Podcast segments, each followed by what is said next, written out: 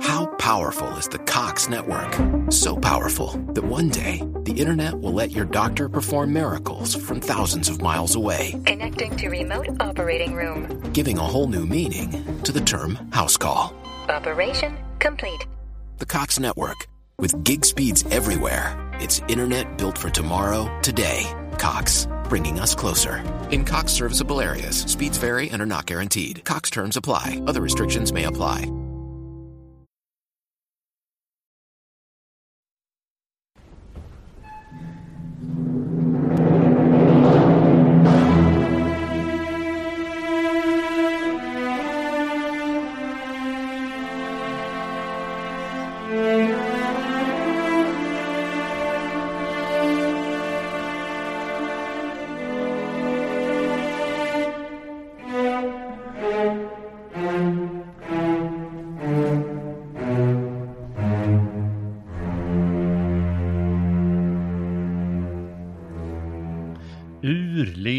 Är tiden. Vem har inte känt den känslan i våra dagar när en man kan kalla sig kvinna och tillåts tävla i idrotter bland andra kvinnor? Riktiga kvinnor. När en storskalig invasion av ett europeiskt land sker och ingen vet hur hantera saken. När det storfuskas i demokratiska val och bevisen sopas under mattan när polariseringen mellan europeiska folk och europeiska medborgare når nya höjder i och med medial hatpropaganda understött av toppolitiker. När världens befolkning luras och närmast tvingas på långt ifrån ofarliga genpreparat mot en relativt harmlös influensa, verkar det som. Nu är det inte bara något ruttet i staten Danmark, utan i hela världen. Och fenomenet är inget nytt. För några år sedan hurrades det när horder av människor trängde över gränsen med förödande resultat för svenskt samhällsliv. Och så kan man fortsätta bakåt i tiden. Kanske är tiden ständigt ur led, åtminstone återkommande. Och kanske är det därför som Hamlets ord i William Shakespeares drama träffar oss så hårt.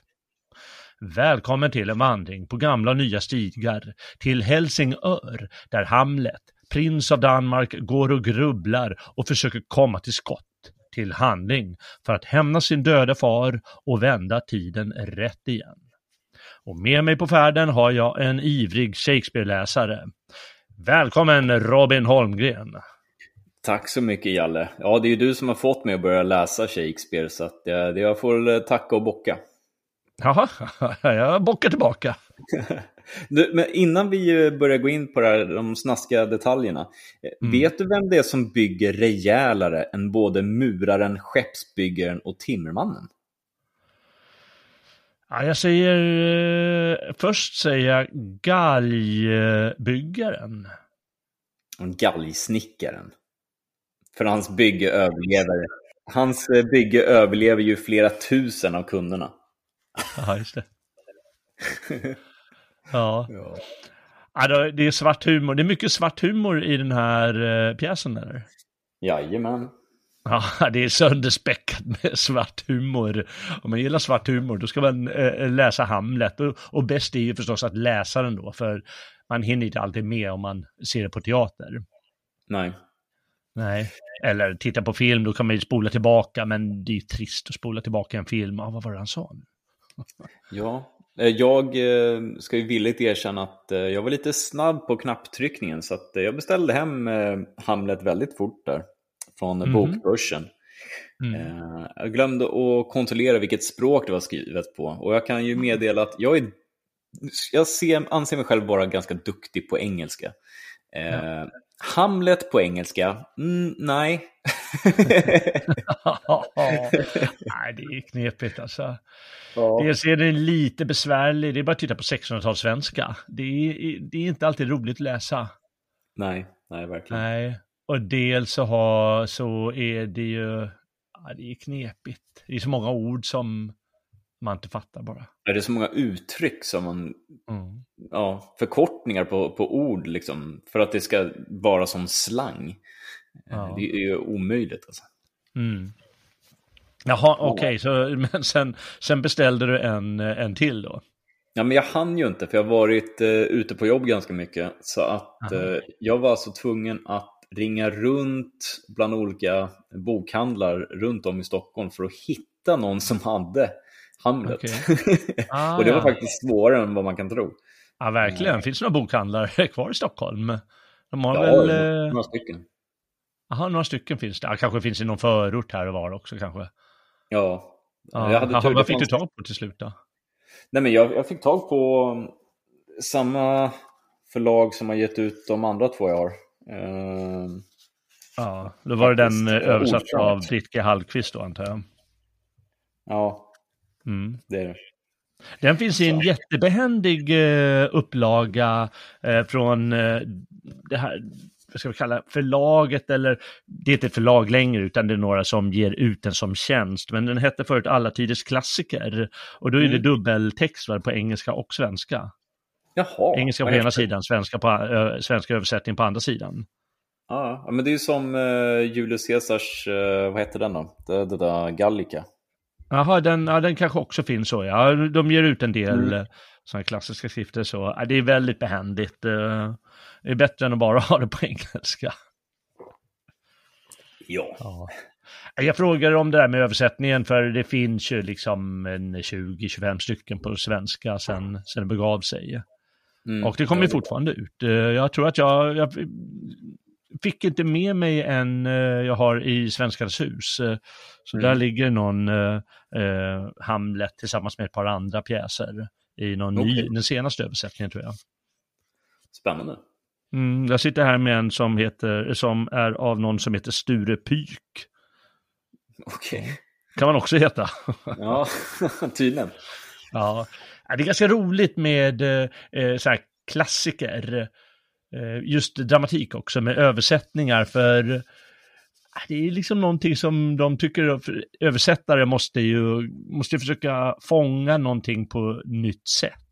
Det är klart, jämfört med 1860 då de första kom, då är det ju lätt. Men liksom, om det kom för 20 år sedan, bara 30 år sedan, då är det mm. ändå så att de, språket är ju i stort sett samma. Det är bara ja. att vissa uttryck vill man vrida och vända på, hitta, någon, hitta nya översättningar, eller han tyckte att han fattade inte riktigt vad han menade eller något sånt. Mm. Och hur talspråklig ska jag bli? Det är sånt eh, de eh, jag, jag, tycker det är ganska roligt att läsa olika av enstaka verk i alla fall.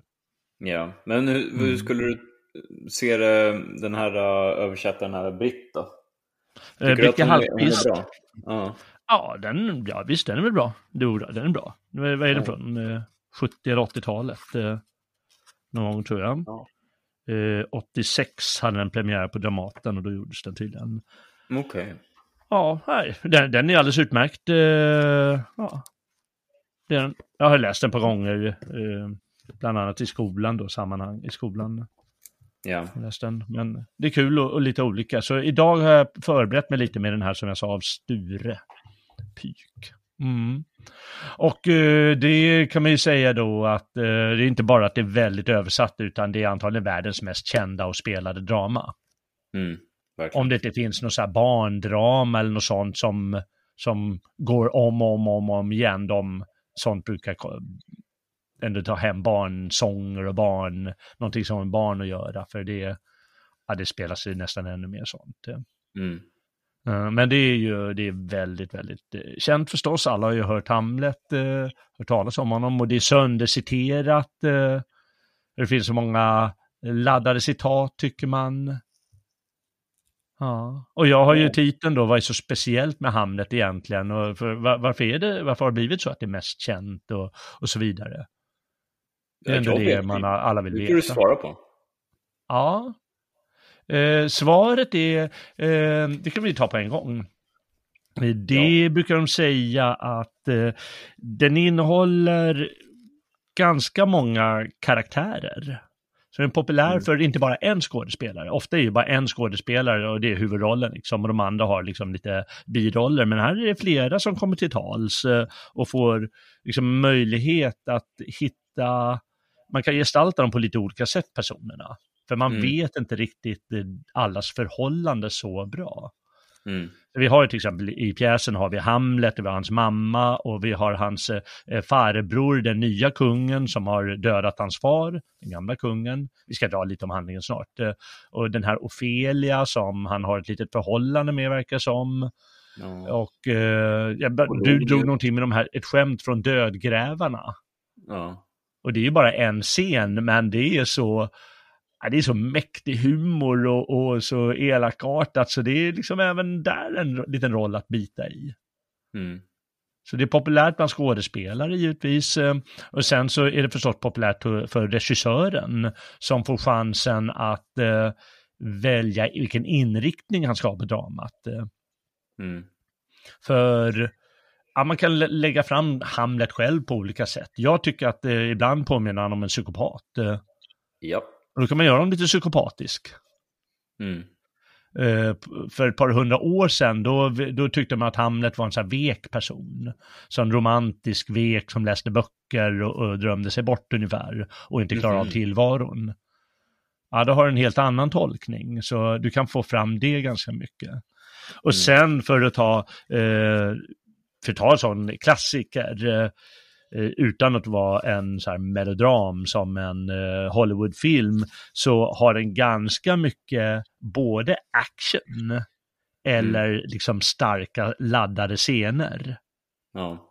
Liksom de fäktas i någon scen och de håller på att kasta benknotor i graven i en annan scen och eh, de, eh, han hugger ihjäl en i en scen även om det inte är meningen, ja, halvt meningen. Och eh, ja, man kan liksom ladda en massa olika scener och det, mm. det tilltalar då både de som vill ha lite mer eh, raffel och de som vill ha vad ska man säga, utläggningar av tillvaron genom bland annat Hamlets många monologer. Kan det vara också en, den här biten om att alla egentligen är, eller de flesta i Hamlet, eh, kan ju ses som mer eller mindre elaka. Eller liksom att de har en dålig moralisk kompass. Mm. För jag menar till och med den, den fagra Ofelia mm. hamnar ju i helvetet. Liksom. Ja, just det. Hon hamnar, de hamnar i helvetet allihopa. Så ja, att, du menar att vi, vi gillar uh, uh, bad guys? Ja, jag tror vi gillar när det är väldigt tragiskt. Ja, det kanske är det. Eller att man bara bjuds på en, en dos sanningar om, om tillvaron. Ja, jo det. Som kan vara värre än, eh, som kan vara hemskt. Till exempel det här tiden är ur led. Ja. Och det gäller att försöka få den rätt igen. Mm. Ja. Eh, däremot behöver man inte säga att det är det bästa dramat som är gjort. Eh, det är ju inte alls alla som tycker. Alltså även så här Shakespeare-kännare eller litteraturprofessorer och så, de uh, kan lika gärna säga någonting annat. Uh, mm. Så ja, det, det får väl vi bedöma. Tyckte du att det var uh, bra eller riktigt bra eller mindre bra? jag tycker faktiskt att både Stormen och Midsommarnattsdröm är bäst. Eller bättre. Ja, ja, ja. ser man. Mm. Roligare att läsa. Okay. Uh, jag, för jag, jag, tyckte det var, det var ganska mycket galenskap alltså. Ja, jag tycker det är roligt. Men jag, det, finns ju, alltså ja. det finns ju såklart jättebra stycken i boken, helt klart. Men jag tyckte att den mm. röda tråden var mycket mer diffus än i de andra som jag läst. Okej, okay. ja. Eh, ja, komedier, vi läste ju En Midsommarnattsdröm och eh, tog upp och den där är ju, det är ju ganska komplex handling i och för sig, men eh, mm. man, får, man får en annan känsla. Här kan vara lite, ja. lite jobbigt, man kan ju tycka illa om Hamlet bara. Och mm. när man tycker illa om huvudpersonen eller liksom på något sätt inte, om man tycker, man tycker den är lite frånstötande ibland, ja då kan det vara lite irriterande. Ja, ja men jag men, har några men bra den... exempel. För att motivera mitt eh, ståndtagande här. Ja, ja men det är klart man kör det. Man måste ju tycka någonting. Ja, ja. Ja. Hamlet, det tillhör ju annars, eh, eh, man brukar prata Shakespeares fyra stora tragedier. Mm. Det är då Hamlet och det är Othello och det är Macbeth och det är eh, Kung Lear. Och sen mm. så kan man lägga till om man vill sånt som eh, Romeo och Julia och, och Julius Caesar. Men mm. just de här fyra, de eh, tycker många att de fångar just eh, sån eh, jobbig sida i tillvaron som liksom alla konfronteras av och lägger ut det både poetiskt och liksom intressant och så här lite stickande. Mm. Så att det verkligen drabbar en. Eh, och det, det, får man nog ändå säga, tycker jag i alla fall, att, att Hamlet gör på sitt sätt. Ja, oh ja. Mm. Mm. Och var, var, ja, han är ju kung, han är prins av Danmark. Mm. Och eh, det är ju roligt att det är ju faktiskt en eh, gammal vikingahistoria. Mm. Och eh, jag vet inte, det, det äldsta namnet man har det är från irländska källor om jag förstått det rätt. Eh, om en dansk viking som hette Amleid, eller hur de nu säger då på eh, iriska. Uh, han mm. var härjade den här Amleid i, uh, i Irland och dödade en irländsk kung år 919. Mm. Och uh, då är det, han har ju, det, det, isländska namnet skulle vara Amlodi eller det danska då Amlode kanske. Och eh, berättelsen är känd då som, den har gått i, i arv. Folk har väl berättat om den här Amlode många gånger. Ja, Amlode var härjade nere hos i, i, ir, eh, irerna. Och då ja. tänker de kanske mer på Hamlets far som också heter Hamlet i pjäsen. Mm. Och eh, då har Saxo Grammaticus, eh, den danska krönikeskrivaren som, eh, som skrev på latin då, om dans, dansk historia eller eh, sagor från Danmark eller vad man vill kalla det för, omkring mm, år 1200. Ja, Gesta Danorum, precis. han har skrivit den här berättelsen, fast på sitt sätt, eller snarare att Shakespeare följer, gör lite annorlunda. Mm. I, I, hans variant eh, då handlar det om, eh, om Hamlet då, eh, som eh, mer eller mindre märker när hans pappa blir mördad av pappans broder, Fänge eller något sånt heter han. Och det är inte som här i smyg, utan eh, som i Shakespeare i smyg, utan det är relativt öppet. Och då blir han orolig, eh, Hamlet, och börjar spela galen för att eh, liksom undvika att han också ska eh, få halsen avskuren. Mm. Eh, och sen så eh, luras han till England, eller om han själv åker dit. Och sen så får han ihop en här så åker han tillbaka till Danmark och eh, eh, tar tillbaka tronen och dödar usurpatorn. Mm. Ja, så där, men där har vi det här med någon som spelar galen. Så det ja. kommer gärna därifrån. Eh, sen på 1400-talet var det en fransk eh, författare som ja, han gjorde en liten samling av berättelser och då använde han bland annat Saxo Grammaticus berättelse om Hamlet.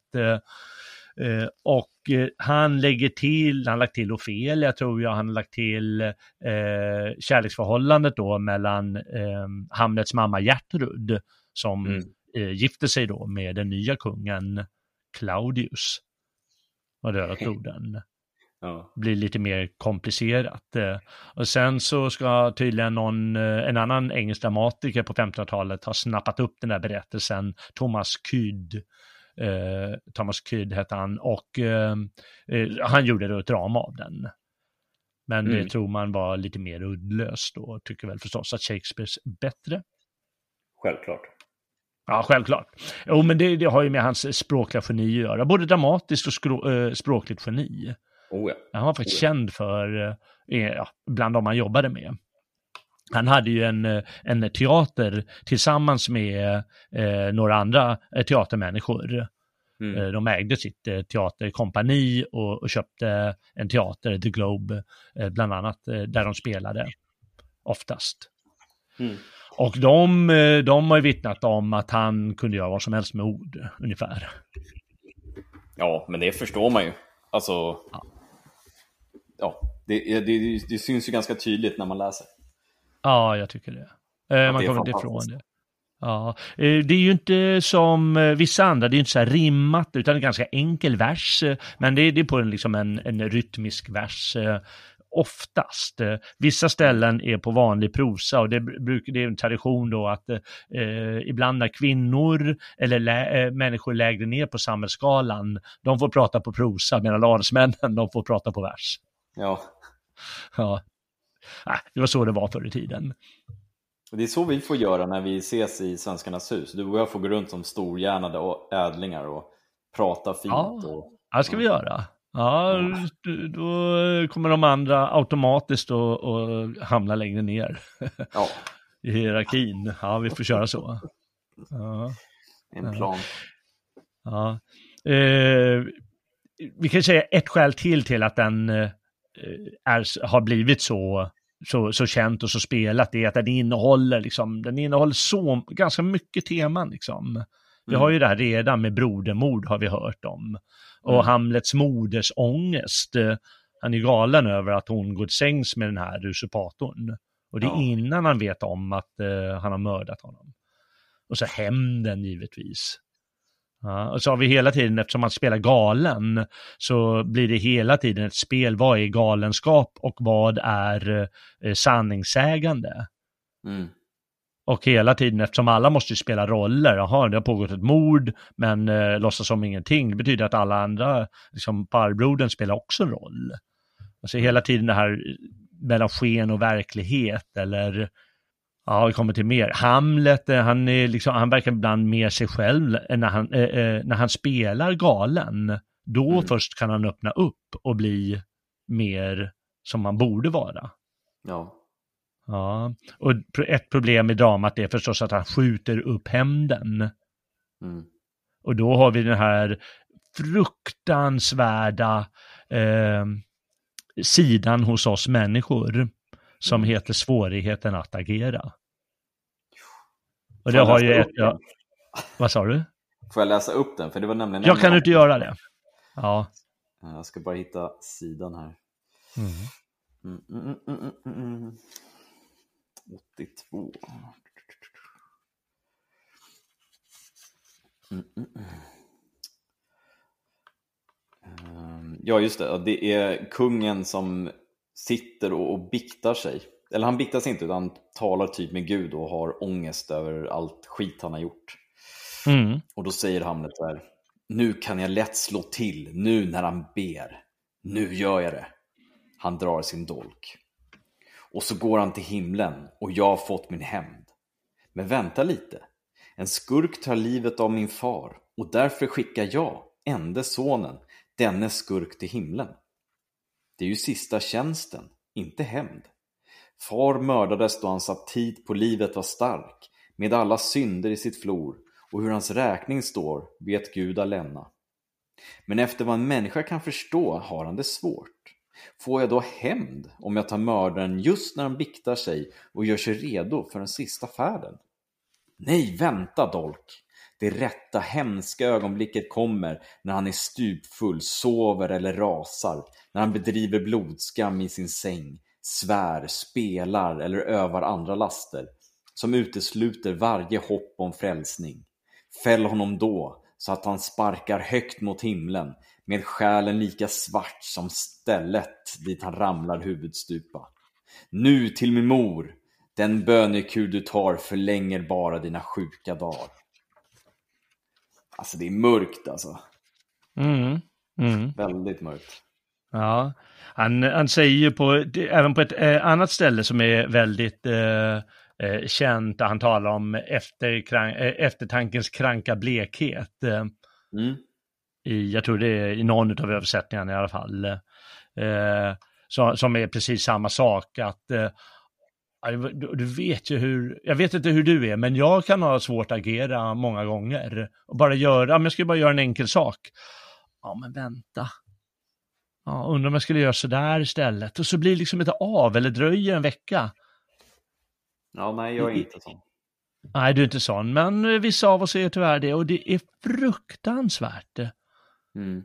Eller alla saker vi har missat som, jaha, men varför gjorde jag inte det där? Jag hade det i min hand. Som Hamlet nyss. Jag hade det i min hand. och så hittar jag på något skäl att skjuta upp det. Mm. Fruktansvärt är det. Så det är förstås eh, ännu ett skäl till att det har blivit så populärt. Eh, det, här. det liksom talar till oss mycket. Ja, ja vi ser våra Mm. egna brister liksom. Mm. Ja, verkligen, verkligen våra egna brister.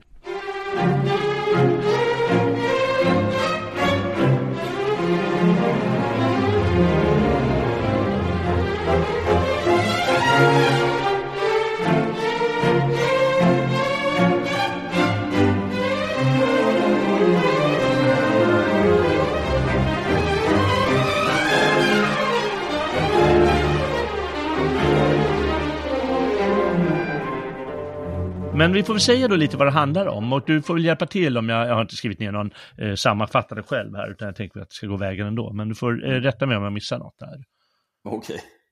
Ja, Vänta, jag, jag ska hålla koll på eh, herr litteraturprofessor liksom. ja men herregud, jag kan inte komma ihåg allt mellan himmel och jord tänka på att Ja, jag är halvdement. den här flera gånger.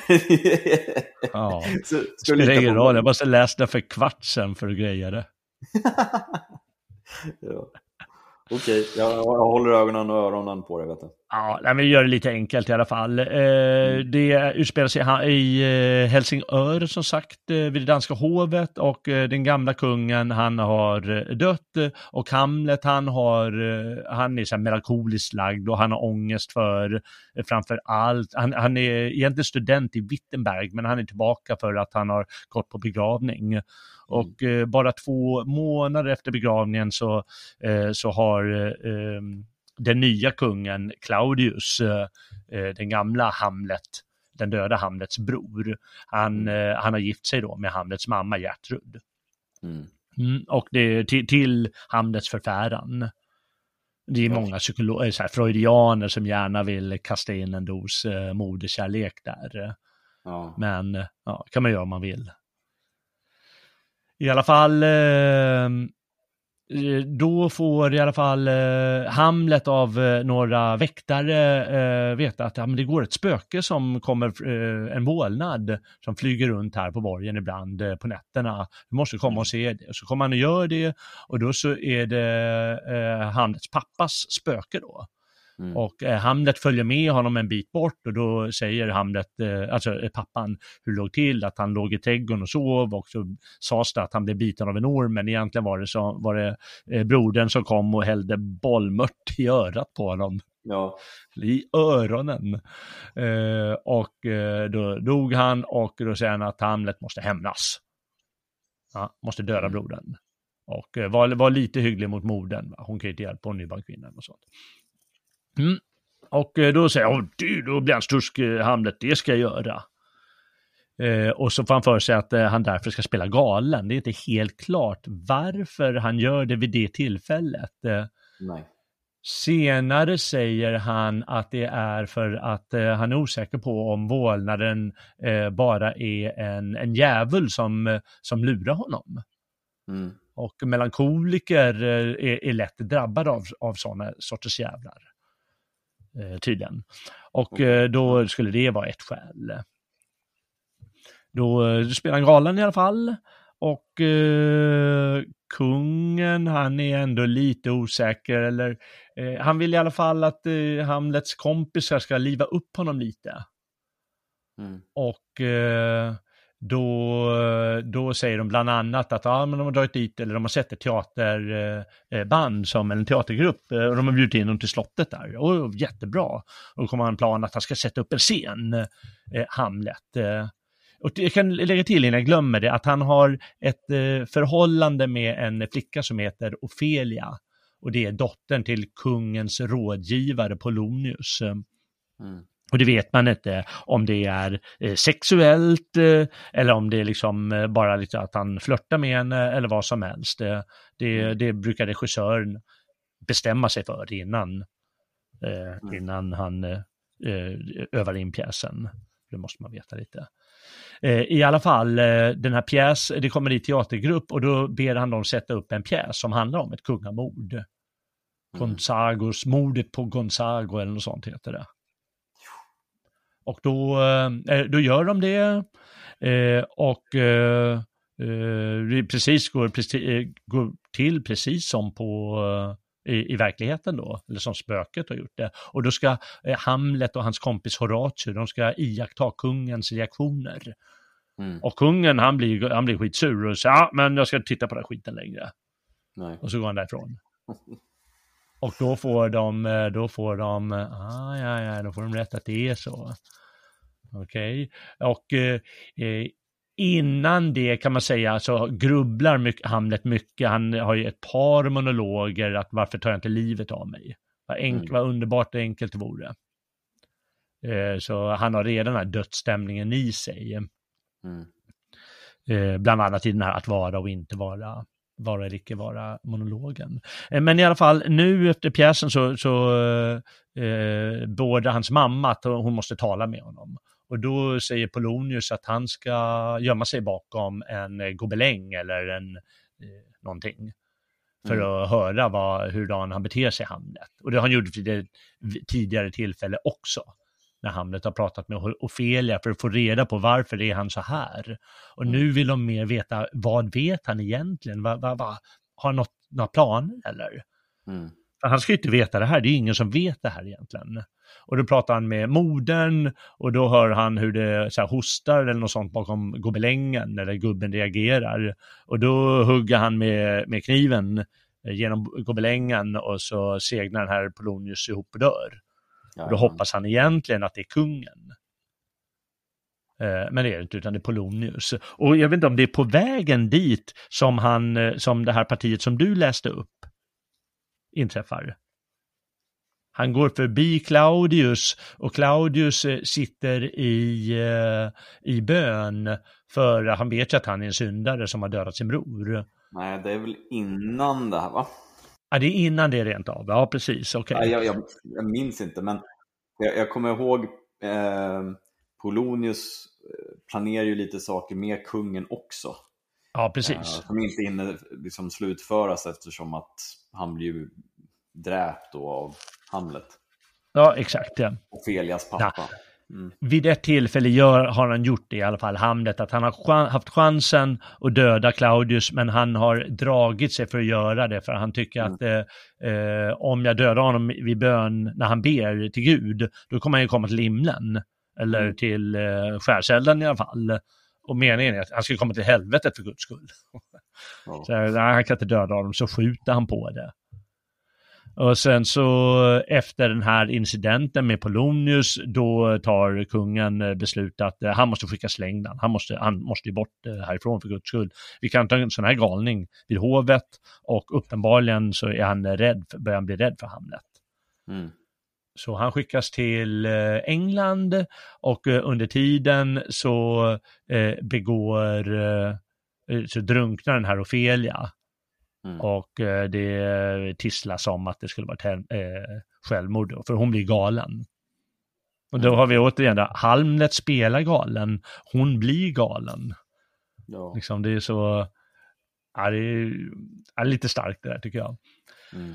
Och eh, han, eh, han har fått, då har hans följeslagare fått order om att han eh, att han ska föras till England och kungen har skrivit en skrivelse att, eh, till kungen av England. Ja, när du läser det här, för Hamlet till stupstocken och halshugga honom på en gång för guds skull. Mm.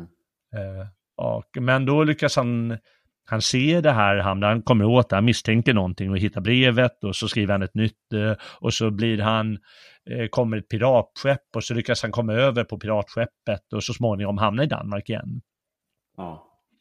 Och då efter den här dödgrävarscenen, eh, för hon ska gravsättas, eh, Ofelia. Mm. Eller vi kan ta det, då, då, då ska hon gravsättas eh, och eh, då, är, då, då håller han ju bland annat den här eh, huvudet av den gamla narren i, eh, vid, som har dött, en gammal narr till hovet som heter Jorrik.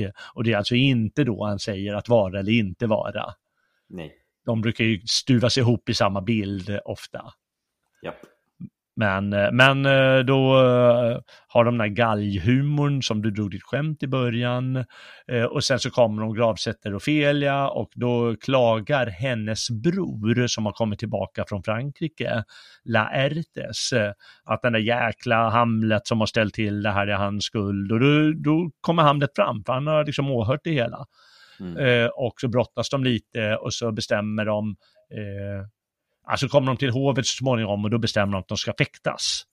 Och då har mm. kungen och Laertius eh, kommit överens om att de ska eh, fiffla lite med värjorna och se till att eh, han får en spetsig värja, Laertes, mm. och den ska han doppa i gift. Och för mm. säkerhets skull ska de även ha bägare med gift, eh, med, med vin blandat med gift, eh, eh som man kan dricka Hamlet eh, och så vidare. Och om man får, det räcker med en liten rispa på Hamlet och så kommer han bli eh, förgiftad och dö inom en timme. Ja, och då har de den här uppgörelsen och uh, ja, i Villevallan uh, blir liksom spåra ut lite den här uh, duellen som de ska ha. Mm. Mest en duell tävla om vem som bara vinner. De har ju skyddskläder och så på. Uh, men då i Villevallan, då blir det ju att många olika personer får risper och folk dricker ur vinet och det slutar med att alla dör. Ja. ja. Och till slut så ja, till slut så kommer en eh, eh, norsk eh, kungason.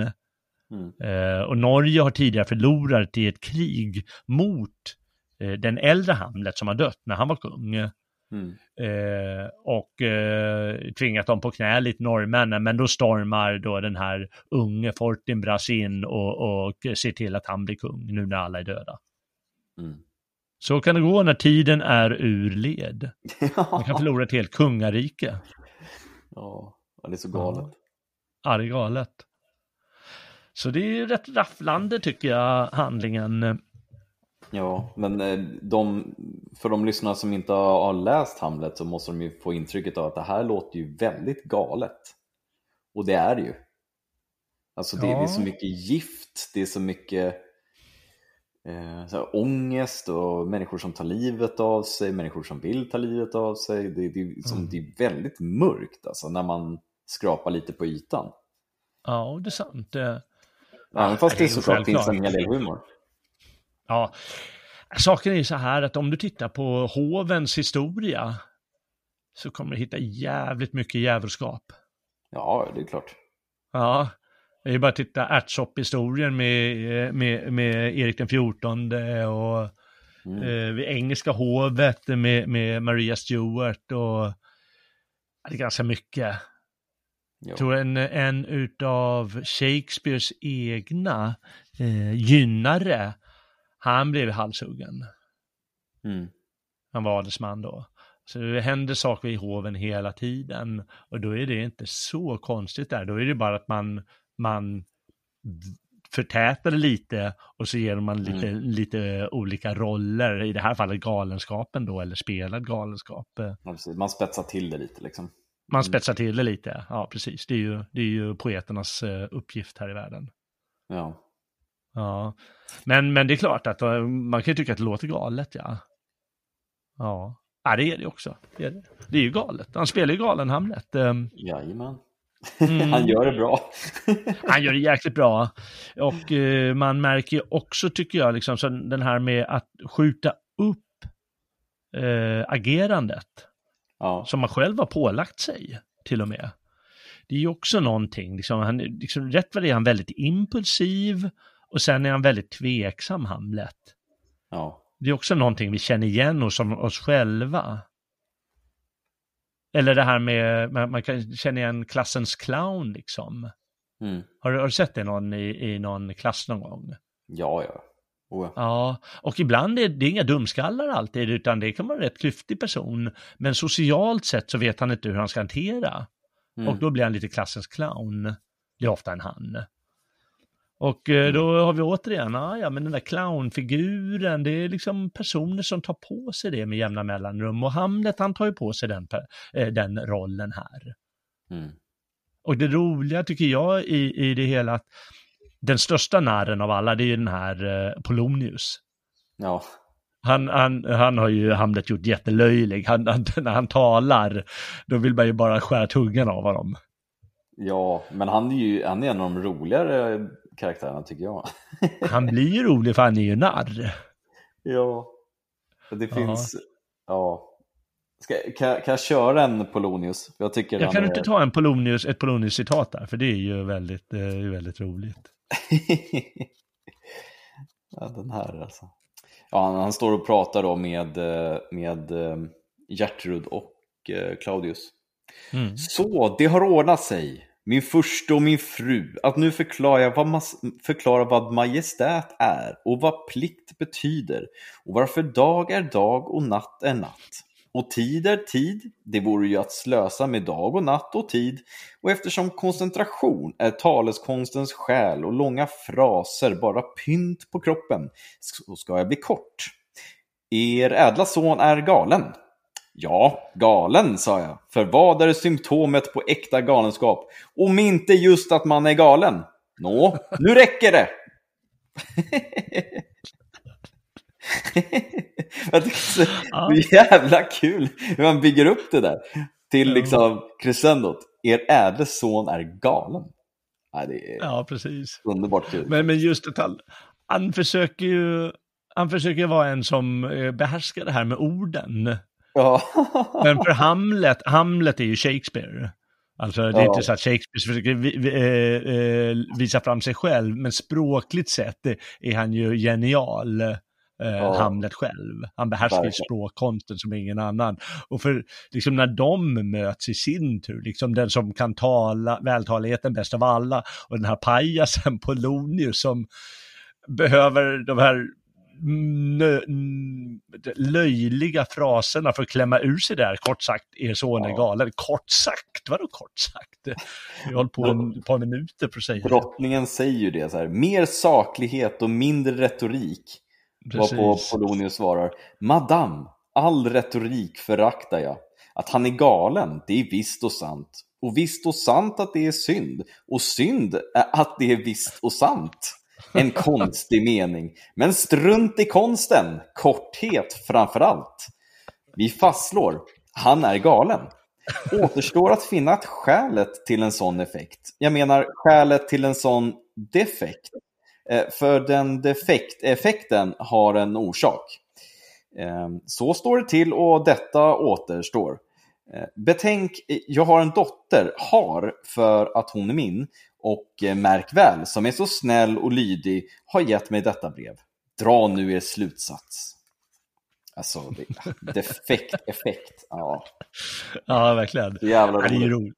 Jag tycker det är jätteroligt och ja. Eh, en skådespelare, det, det, är ju liksom verkligen väldigt roligt för en skådespelare att få en sån där roll. Ja, det, det måste excellera och få fram det utan att man gör sig till en, en fåntratt. Utan mm. det har ju ändå sin värdighet den här Polonius. Det är bara det att han, han förstår inte riktigt hur man hanterar den rakt av. Nej. Men det här med, med, med, med eh, det, det liksom blir nästan som defekt defekt här med bevingade ord. Och den är ju väldigt känd, Hamlet, för, för sina bevingade ord. Mm. Jag har skrivit upp några av de här och många kommer känna igen det.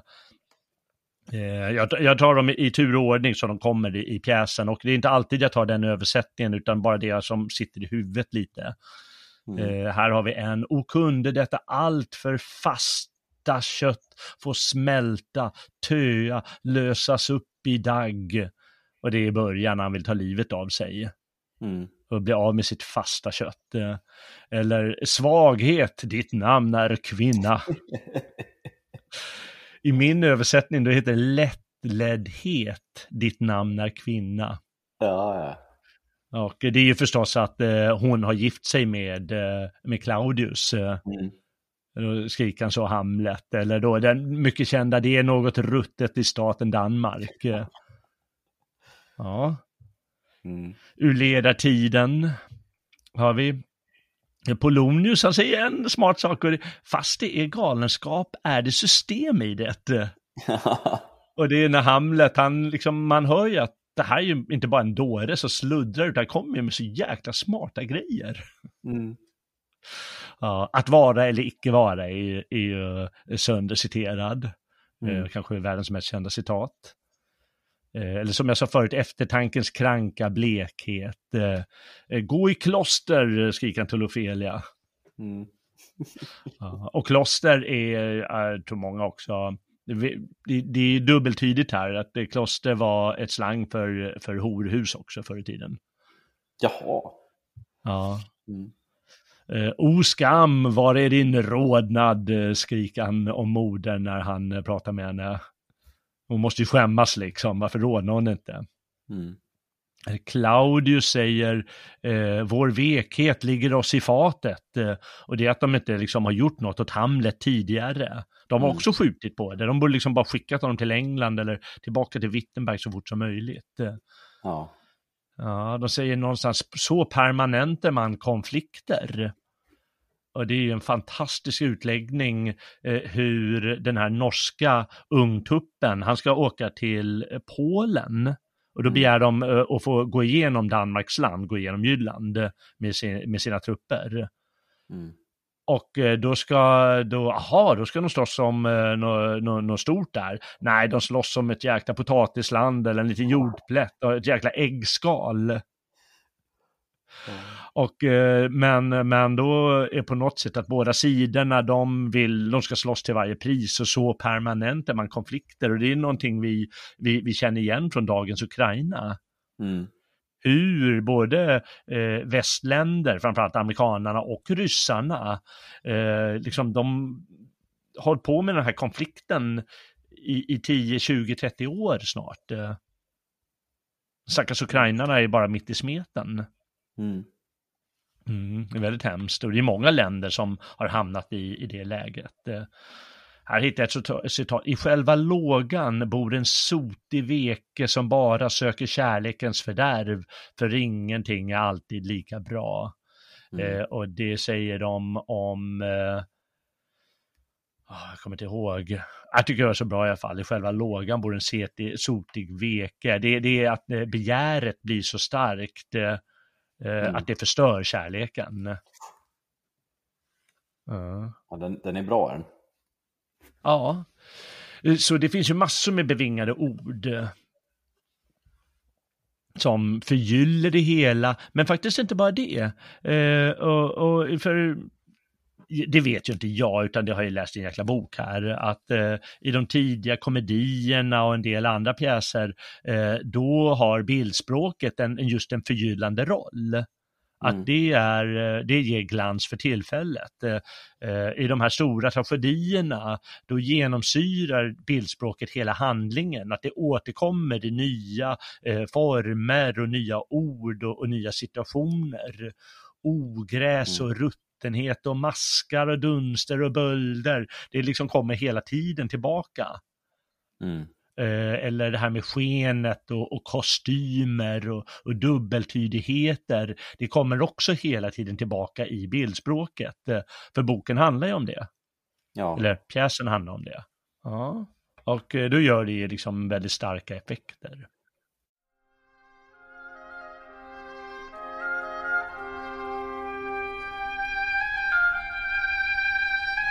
Har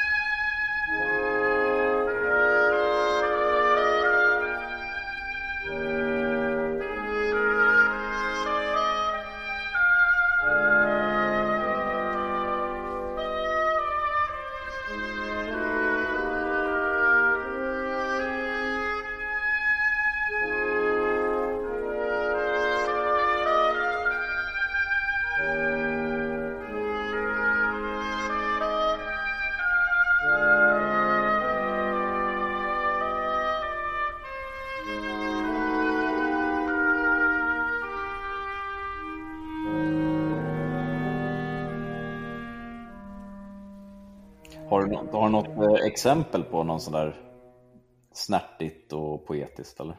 Eh, ja, jag, jag, tycker om de här ganska eh, små eh, fraserna, alltså inte de här långa, de är ju förstås eh, fantastiska, de här långa, men liksom bara i replikskiftena. Då har jag skrivit upp några sådana. Aha, ja, jag, har skrivit, eh, jag kollade fel. Här har vi det.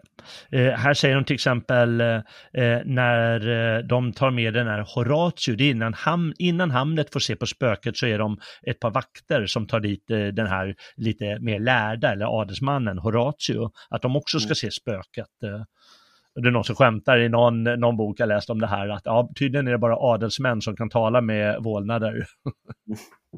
Då tror de att eh, Horatio kan göra det i alla fall. Um, och eh, då eh, eh, då, säger, då, då, vill han inte göra det här, men ni, ni bara, ni bara dillar. Eh, vadå vålnad, ni snackar bara, men då, då blir han, ena vakten arg och säger sitt då ner ett tag så vi får, på nytt får bombardera era öron som ni förskansat så mot vår rapport med vad vi har fått se två dagar i rad. Och sådana där små, små eh, repliker tycker jag är väldigt träffande. Mm. Hamlet säger att han ska föras eh, till England av ett par kamrater eh, vars uppsyn är som, eh, som ett par giftormar. Mm. Ehm, eller han säger på ett ställe när, det, när teatern ska dra igång. Eh, nu ska här bli teater. Dags att spela rubbad.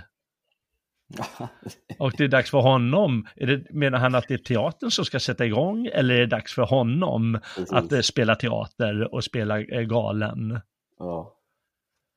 Och det kommer, återkommer eh, hela tiden. En utav som jag tycker är väldigt stark, det är när, vad heter det, den här kungen, han sätter ju de här två eh, killarna att försöka tala med Hamlet och de för honom sen till, eh, ska föra honom till England sen.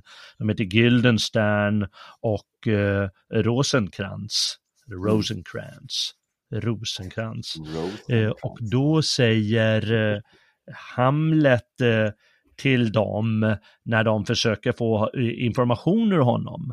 Han, mm. han är ju smart Hamlet så han fattar ju att de här de är utskickade av kungen för att få information. Det fattar han redan så fort de dyker upp i stort sett. Ja. Mm. Eh, då, eh, efter eh, pjäsen tror jag det är, teaterpjäsen, då får han tag på en flöjt. Eh, och så säger han, Eh, vi, tar, vi tar lite längre upp på sidan, ser man på, där har vi flöjterna, får jag låna en? Och sen till Gildenstern, vi drar oss åt sidan, varför går ni hela tiden mot vinden som ni ville få mig att gå i en fälla? Har jag varit för angelägen är det min tillgivenhet som bör läxas upp, säger Gildenstern. Och Hamlet, det förstod jag inte riktigt. Vill du spela på den här? Och så räcker han om flöjten. Eh, det kan jag inte. Och jag ber dig. Eh, tro mig, jag kan inte. Jag bönfaller dig. Jag har ingen aning om hur man bär sig åt. Det är lika lätt som att ljuga. Se efter hur du håller fingrarna och tummen, som blåser du med munnen och utströmmar den ljuvaste musik. Se här, här har du hålen. Men det är stört omöjligt för mig att frambringa något som kan kallas musik. Den konsten behärskar inte jag. Eh, sen så säger Hamlet, då förstår du hur nedlåtande ni har behandlat mig. Ni ville spela på mig, låtsades veta vad jag har mina hål, hur ni skulle locka fram mina finesser och hemligheter. Min speciella ton från långt, längst ner på skalan och hela registret upp. Det ryms mycket musik, mycket välljud i den här lilla orgen, men det kan inte tvingas fram men för helvete, tror du det är lättare att spela, eh, tror du Tror du jag är lättare att spela på än en pipa? Kalla mig vilket instrument du vill. Du kan ta ut greppen men aldrig spela på mig. Blir han arg. Och så kommer Polonius in och det tycker jag är så roligt avbrott här. Var hälsar excellensen? Hennes eh, majestät önskar tala med höghet skyndsammast, säger Polonius. Och så tar Hamlet honom så här, ser ni molnet där borta som nästan ser ut som en kamel? Ja, milda makter, det liknar verkligen en kamel. Om man försöker spela med Hamlet där. Mm. Uh, jag tycker det liknar en vessla, säger Hamlet då. Ja, ryggen är som på en vessla, eller snarare som en val, säger Hamlet, väldigt lik en eh, val. Mm.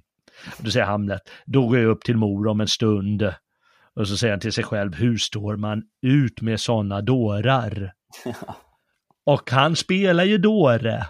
Ja. Men det är de andra som gör sig till dårar eller tror att de kan spela på folk eh, som en flöjt och så vidare. Mm. Jag tycker att det, det, det, det finns ganska många sådana eh, ställen, en del längre, en del kortare. Mm. Har du något ställe som du tyckte var liksom så här, eh, starkt, antingen poetiskt eller eh, som uttrycker något eh, häftigt? Ja, flera stycken faktiskt. Jag tycker Ofelia gör, en ganska bra, gör, gör sig ganska bra som ett nervvrak faktiskt. Um... är det när hon blivit galen eller är det tidigare? Nej, det är tidigare. Det är när, när Hamlet verkligen ballar ur. Ah, han beter sig ju... Hon, hon har ju fått ord av sin pappa att eh, lägg ner det här med förhållandet med, med, med Hamlet. Eh, han är kungason, mm. det är ingenting för dig. Ja. Eh, och då blir ju hon väldigt besviken och så måste hon eh, svika Hamlet i sin tur. Och då blir han ju jävligt elak mot henne. Det är då han bland annat en gång säger han gå i kloster. Där. Eh, gå, gå, antingen gå i kloster eller gå i horhus. Båda är ju inga, inget roligt alternativ kanske. Nej. Nej, det är precis efter det här som hon säger O, oh, vilken ädel själ som här har brustit den lärde skarpsyn, kavaljerens språk, soldatens svärd, vårt rikes hopp och ros, den riddersman som varit smakens spegel och höviskhetens mönster. Han, ett mål för allas blickar, allt förstört, förbi. Och jag, den mest eländiga bland kvinnor, som njöt hans löften liksom skön musik. Jag måste se hur hans geni blir ostämt som spel av spruckna klockor, gällt och falskt och hur hans ungdoms makalösa blomstring förstörts av sinnessjukdom. Stackars jag som sett vad jag har sett och ser idag. Jag tycker bara det, det är jätteroligt att han precis hör då, att man, man, hon tycker att han är sinnessjuk och så mm. säger hon stackars jag. Det tycker, jag, det tycker jag är lite lustigt faktiskt. Ja men, eh, men, när det har att göra med Hamlet så tycker jag väl ändå han och sin drift är ganska spännande. Eh, du har ju, nu ska vi se vart vi hittar den. Eh, ja, men precis. Eh, vad allt som sker fördömer mig och äggar min tröga hämnd. Vad är en människa? om det hon sätter allra högst i livet är mat och sömn. Ett djur och inget annat. Men han som gav oss tankens kraft att se förgången tid och framtid skänkte inte oss detta klara himmelska förnuft att mögla outnyttjat. Om det nu är djurisk slöhet eller ängslig tvekan vid tanken på vad följderna kan bli. En tvekan där en fjärdedel är klokhet och resten feghet. Inte vet jag varför jag går omkring och säger det ska göras när jag har vilja, medel, kraft och goda skäl att göra det. Nog har jag föredömen som manar mig till dåd. Som denna krigshär, stor, dyrbart rustad, anförd av en ung och vek och oerfaren prins som är gudomligt ärelysten och som hånler åt allt vad ödet döljer i sitt sköte. Mm. Ja, det är ju... Hårda ord. Ja, det är hårda ord. Jag menar, är vi någonting mer än äta, sova?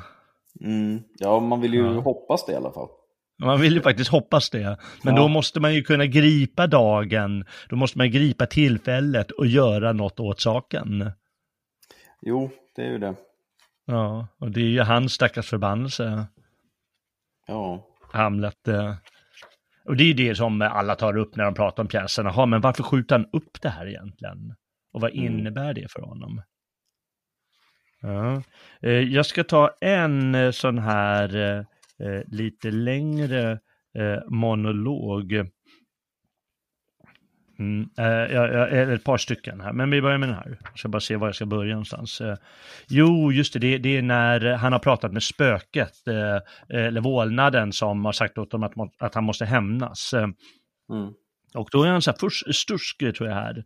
Då säger han och Hamlet, O himlens alla änglar, o du jord, vad mer? Ska underjorden inkluderas? Han kommer väl från underjorden, den här eh, vålnaden. Åh fy, nej bulta inte så mitt hjärta. Hallå där musker, åldras lagom fort. Och kom ihåg mig sa du, ja du, så länge minnet får ha kvar sin plats på detta vilsna klok. Komma ihåg dig, här inne, i mitt minnes kom ihåg-bok ska allt prosaiskt klotter suddas ut, alla citat och fraser och sentenser som ungdomlig respekt har kopierat. Och här ska så du, ditt budord sedan bo, helt ensamt här, mellan min hjärnas pärmar, ostört av trivialia, ja, vid Gud o ondskefulla kvinna, nu säger han till sin mamma då, o skurk till farbrodern, o skurk, o smilande fördömda skurk. Min penna fort, jag måste skriva upp att man kan le och ändå vara skurk. I vart fall kan man det i Danmark.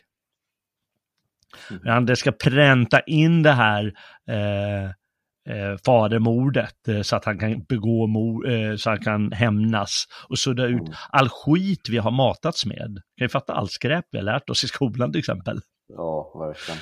Om, om, om så här gamla pjäser som Hamlet och sånt till exempel. Ja. Ja, får vi höra av skolan och ståliga lärare, men liksom det betyder ingenting allt det där. Viktiga är ju att kunna handla när det gäller. Komma ihåg rätt grejer. Mm. Ja. Det tycker jag. Ska jag se om jag kan ta en annan. Vi ska ja, väl ta den här att vara eller inte vara monologen. Mm, ja, men gör det. Uh, jag tar den i min översättning här. Uh, uh, och den är ju mest känd, så det måste vi ha för oss här. Att vara eller inte vara, det är frågan.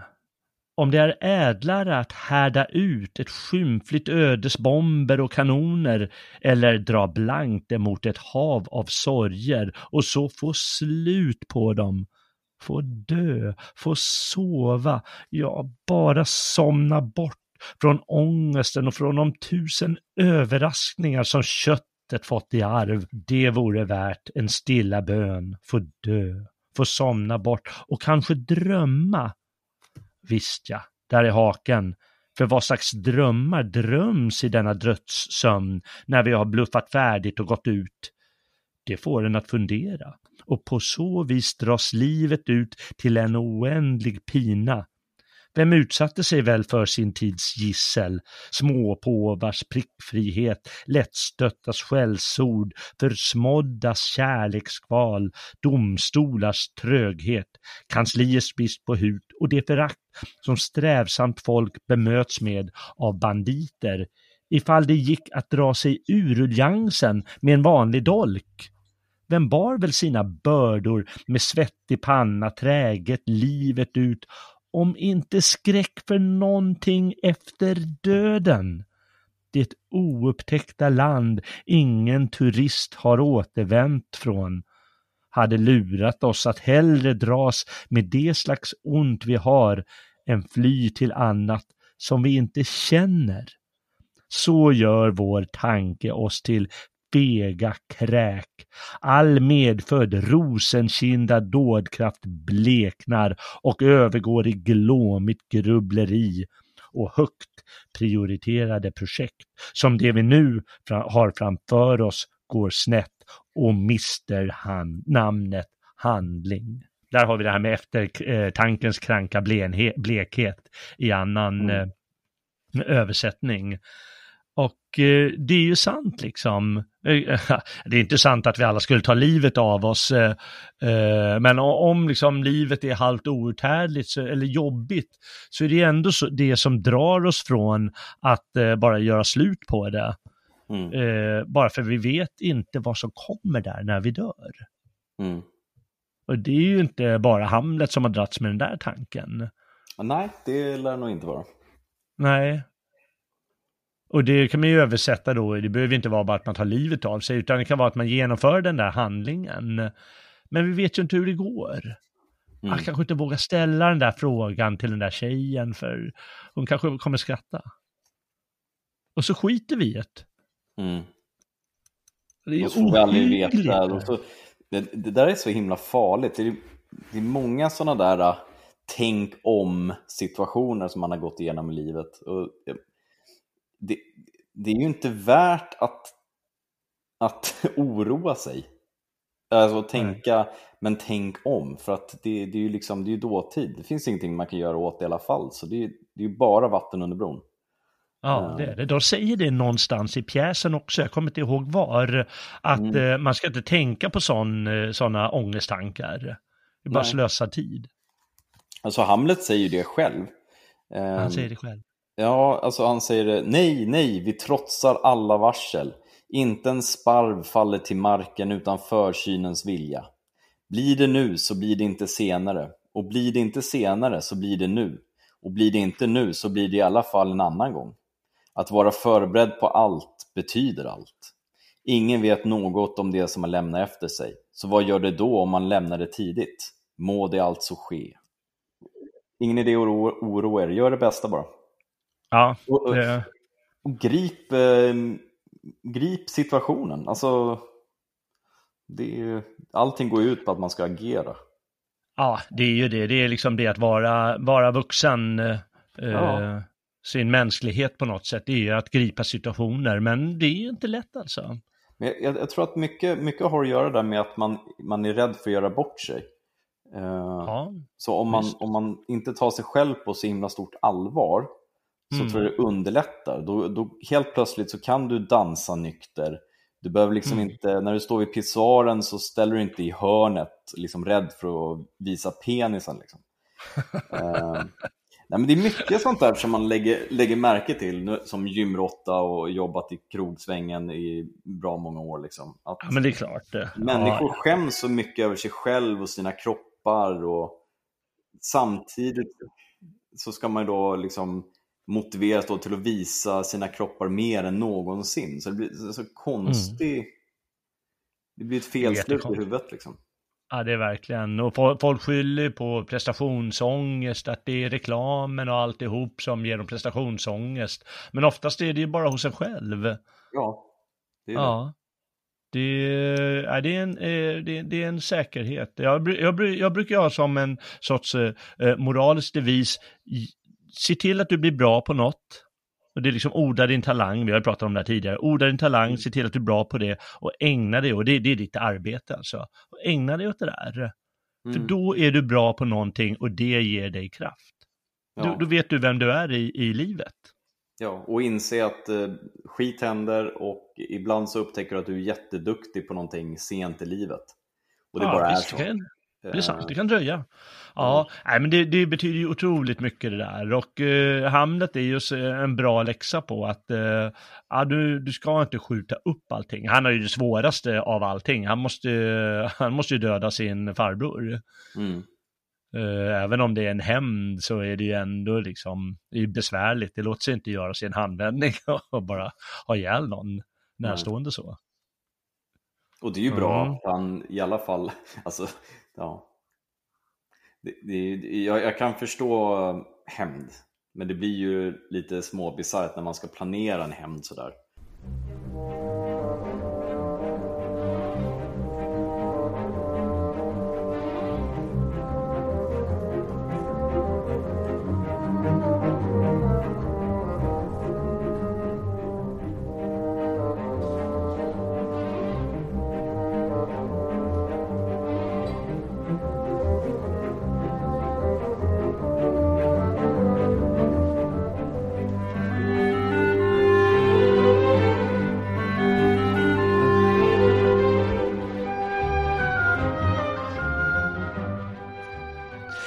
Tänkte, vi ska ta ett väldigt laddat parti och det är när Hamlet eh, eh, talar med sin mor.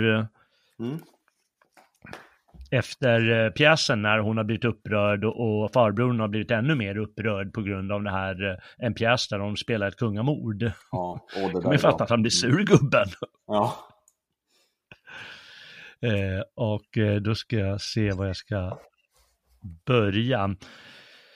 Eh, då säger eh, eh, hon Ja, han, Hamlet har precis sett eh, vålnaden som kommit in i rummet där de talar. Och säger, för han anklagar Hamlet att ja men nu står du själv ut din mor, du skulle ju eh, hämnas mig och döda Mm. farbrodern. Mm. Och då är han förfarad och har talat med, med, med vålnaden, men hon ser ju inte det. Mm. Och då säger hon, det här har myntats inne i din hjärna. Att skapa skenbilder av sådant slag är vansinnets exper- vansinnet expert på. Och då blir han sur Hamlet. Vansinne? Min puls är lika välstånd som, välstämd som din egen och spelar lika frisk och sund musik. Det jag har sagt är inte galenskap. Jag repeterar gärna varje ord som kunde tolkas åt det hållet, vilket en galning skulle skygga för. Men mor, för Guds skull, smörj nu inte in din själ med så, med så förträfflig balsam att den glömmer din synd och bara minns min galenskap. Tunn Mm. hud nybildas över såret, men under den fortgår inflammationen osedd. Så bikta dig för himlen och ångra vad du gjort och har tänkt göra. Sprid inte ut komposten över ogräset så att det växer ännu högre. Ja, förlåt ett dygdemönster, eh, men idag, i detta trögbockarnas tidevarv, får dygden ställa sig i kö hos lasten och niga djupt för att få stå till tjänst. Och det är förstås att hon ligger då med, med faderns bror. Mm. Min son, där klövs mitt hjärta mitt i tu. Men kasta bort den sämre halvan då, svarar Hamlet, och lev ett ärligare liv med resten. Godnatt. Men gå nu inte till hans säng, och har du ingen stolthet, låtsas ha. Rutinen är ett troll som äter känslor, helvetiskt till aptiten, samtidigt en ängel med sin stående invit till goda gärningar och jämt parat med rätt sorts förkläde eller livré. Ett nej ikväll får du väl också se som en sorts träning inför morgondagen. Var gång du vägrar växer din förmåga att hålla jämna steg med denna djävul tills du en vacker dag ser dig i stånd att kasta ut honom med huvudet före. God natt igen. När du så småningom vill motta min välsignelse, då kan du ge mig din. Vad honom angår ångrar jag inget. Det var himlens vilja att straffa honom här med mig och mig med honom och med mig som exekutor. Nu ska vi, nu, ja, han pratar om Polonius lik här. Nu ska vi gömma honom lika fint som när han stod bakom sin gobeläng. Eh, Jag tycker det är bra liksom att hon, åh du har kluvit mitt hjärta, ja men behåll den ena delen och släng den andra. Ja. Den andra var ju dålig. ja. Ja, Det är bra. Ska vi liva upp med lite, lite soldathumor? ja soldathumor, ja, det är roligt. Ja,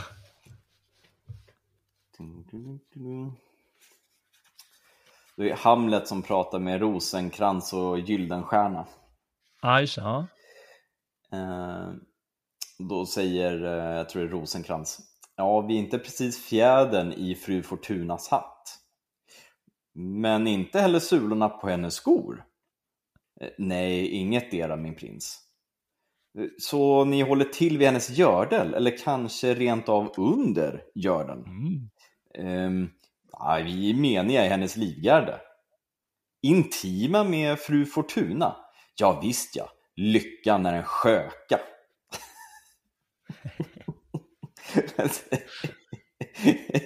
ja, det, det kan man ju säga.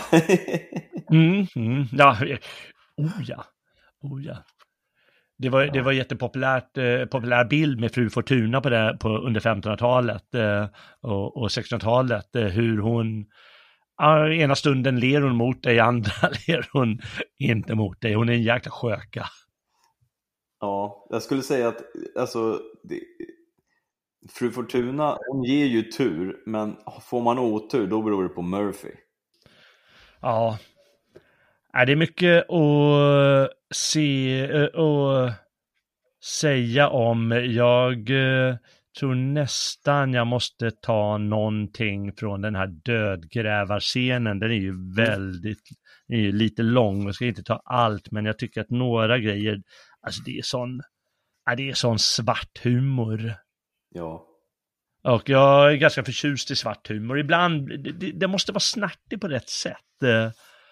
Det kan bli att man gottar sig för mycket i ett, eh, men eh, jag tycker nog eh, att det, det kan vara väldigt, väldigt starkt. Eh. Jag ska se om jag hittar det här. Eh, det är Hamlet. Dödgrävarna, de har snackat lite om, ska hon, har hon begått självmord eller inte och nu när hon ska begravas. Och de gör det ju lite i smyg för det är lite osäkert fall. Va? Mm. För självmördare, de, de, de får inte begravas eh, kristet. Eh, de ska inte få komma till himlen. Och då säger Hamlet, ja men eh, du, jag ska, för de har, de har hört dem talas vid dödgrävarna. Säger Hamlet, jag ska prata med den här filuren. Hallå, vems grav är det här?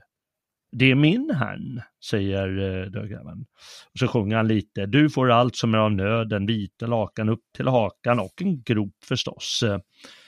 Säger Hamlet. Ja, det måste vara din grav, för du står ju med bägge, ben, bägge benen i den. Och herrn står inte ens med ena benet i den, så den kan inte vara herrns. Enbenta kan aldrig stå med bägge benen i graven. Då vore de mer odödliga än tvåbenta som kan det. Hur som helst, graven min och inte hans. Att påstå annat vore i sanning lögn. Men nu sitter du och vilar i graven och vilar man i graven kan man inte käfta som du gör. Graven är för de lågljudda. Säg, vem ska ligga här? Vad heter han? Det är ingen han. Ja, hon då? Det är ingen kvinna heller. Vem är det då som ska begravas? En som har varit kvinna, men Gud signe hennes själ, nu är hon död.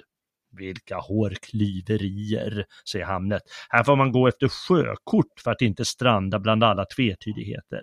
Horatio, de här tre åren har jag lagt märke till en sak. Umgängesformerna har blivit så raffinerade. Bondens tåspets följer så tätt på hovmannens häl att den får skinnet av den. Hur länge har du varit dödgrävare? Av alla årets dagar började jag samma dag som vår förre kung Hamlet fick Fortinbras på knä. Fortinbras är då eh, norska kungen. Hur länge sedan är det? Och vet han inte det? Det vet ju vartenda pundhuvud. Det var samma dag som unge Hamlet blev född. Han som var galen och blev sänd till England. Ja, visst fan. Och varför blev han nu sänd till England? För att han hade blivit galen förstås. Han skulle få tillbaka förståndet där, var det tänkt. Och fick han inte det gjorde det inte så mycket. Hur så? Eh, där skulle det inte märkas, för där är alla lika galna. Hur blev han galen? Och det gick väldigt underligt till, säger folk. Eh, hur då underligt? Herregud, han miste förståndet. Och var hände detta? Var? Ja, var någonstans? In i huvudet på en förstås. Hur länge har du hållit på, på här, sa du?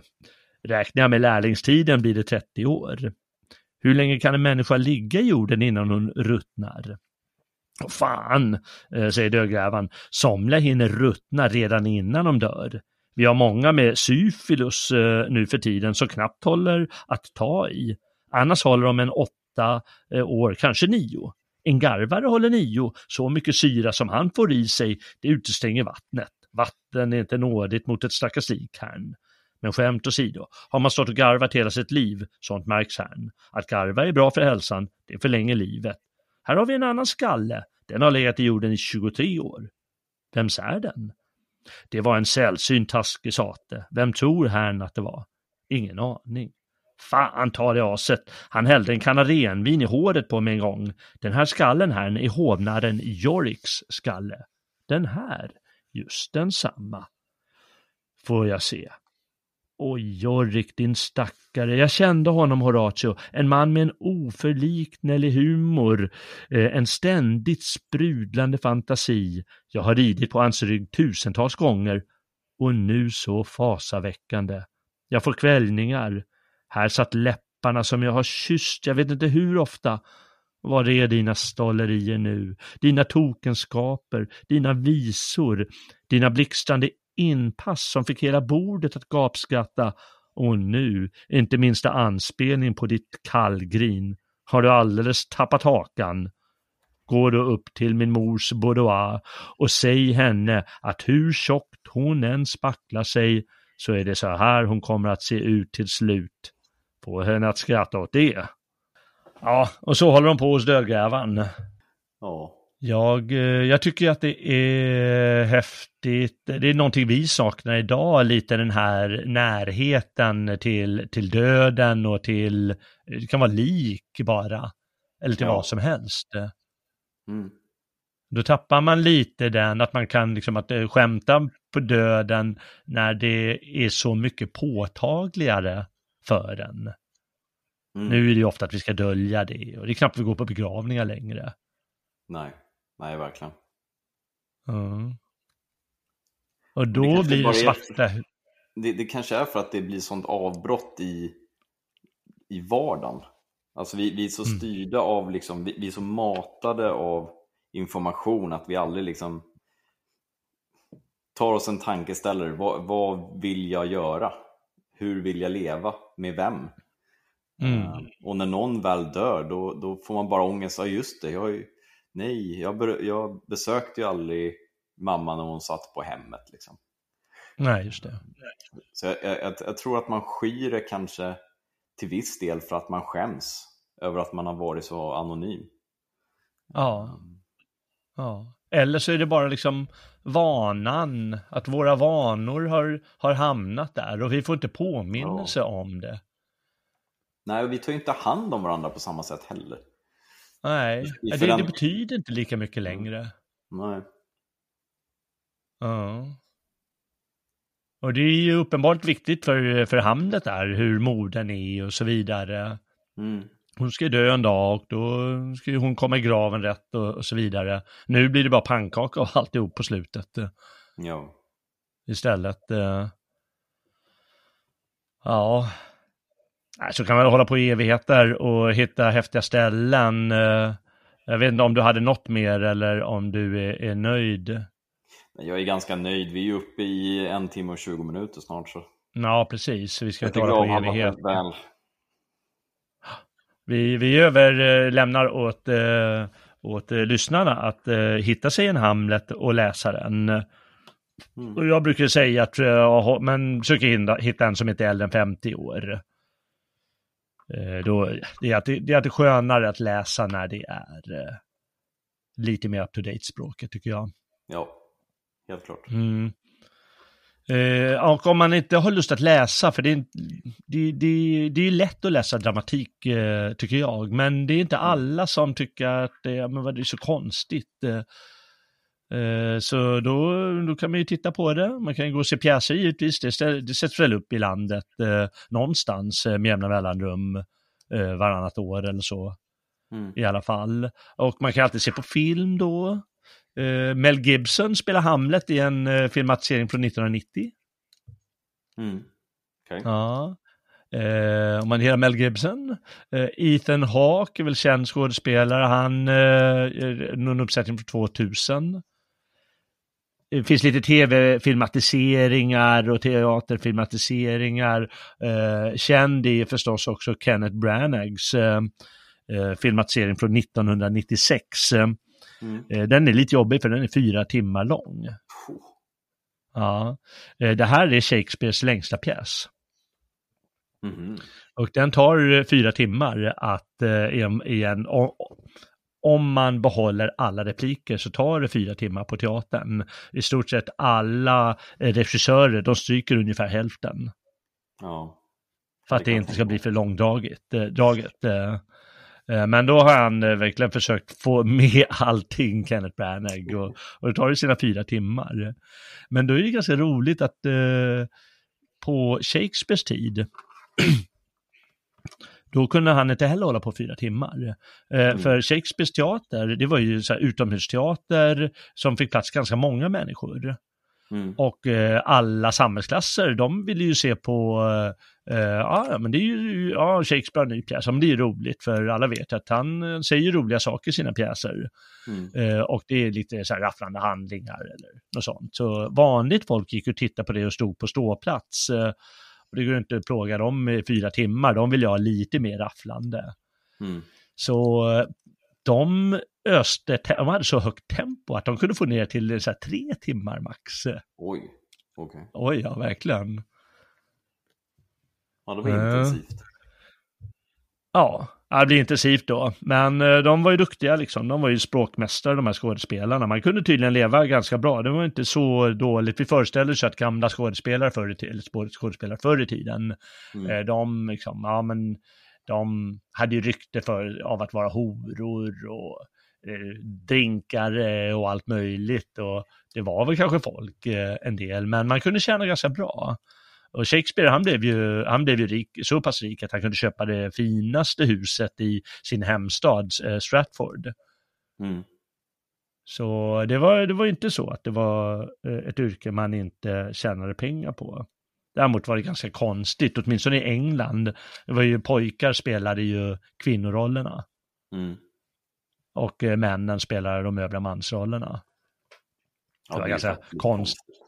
Ja, det blir ju konstigt, det, det, det får man ändå säga. Men det var så man såg på saken då och gjorde. Men, men, ja, nej, men på något sätt eh, tycker jag man ska tillägna sig det eller ja, har man ju lyssnat på det här programmet och det kanske kan räcka det med. Jajamän, det är det vi är till för. Mm. Ja, det, det är det, ja, precis, det är därför vi gör det här. Det är för att eh, hålla, eh, hålla eh, västerlandets eh, eh, stor, storhet vid liv. Mm. Och det finns ju bara ett sätt eh, och det är ju att prata om det. Jajamän. Eller göra film av det, eller spela det, eller sitta och läsa själv i kammaren, eller, eller vad som helst. eller om man nu gör något annat än, än eh, sådana här skådespel eller böcker eller så. Så eh, berätta om gamla kungar, gamla svenska kungar för sin son eller andra gamla storslagna berättelser man känner till.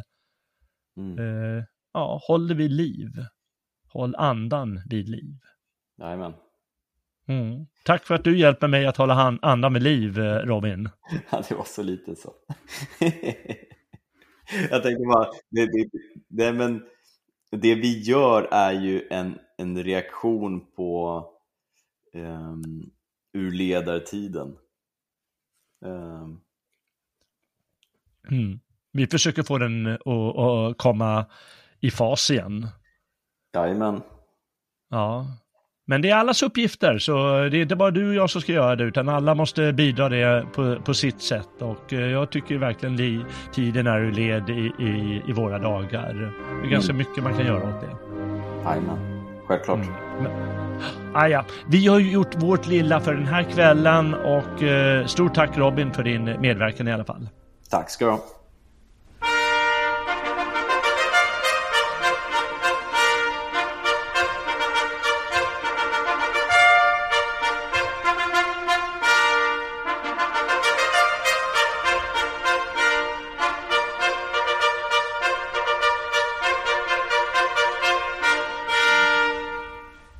För att du har vandrat med på gamla och nya stigar. Och är det första avsnittet du har hört? Tänk på att det finns många vandringar att göra. På svegot.se finner du alla avsnitt av På gamla och nya stigar. Där finns program om svensk historia, berömda europeiska romaner och skådespel, stora svenska poeter, om operakonst, om filosofiska idéer, om film och mycket annat. På svegot.se kan du också läsa hur man kan stödja Svegots verksamhet. Klicka på stödprenumeration eller donera. Där kan du välja om du vill hjälpa oss att fortsätta göra sådana här program. Nästa vandring på stigarna, om allt går som det är tänkt, ska gå i Erik Axel Karlfeldts tecken. Han är en av våra stora poeter, så missa inte det.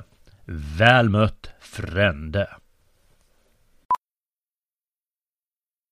Powerful is the Cox network? So powerful that one day the internet will let your doctor perform miracles from thousands of miles away. Connecting to remote operating room. Giving a whole new meaning to the term house call. Operation complete.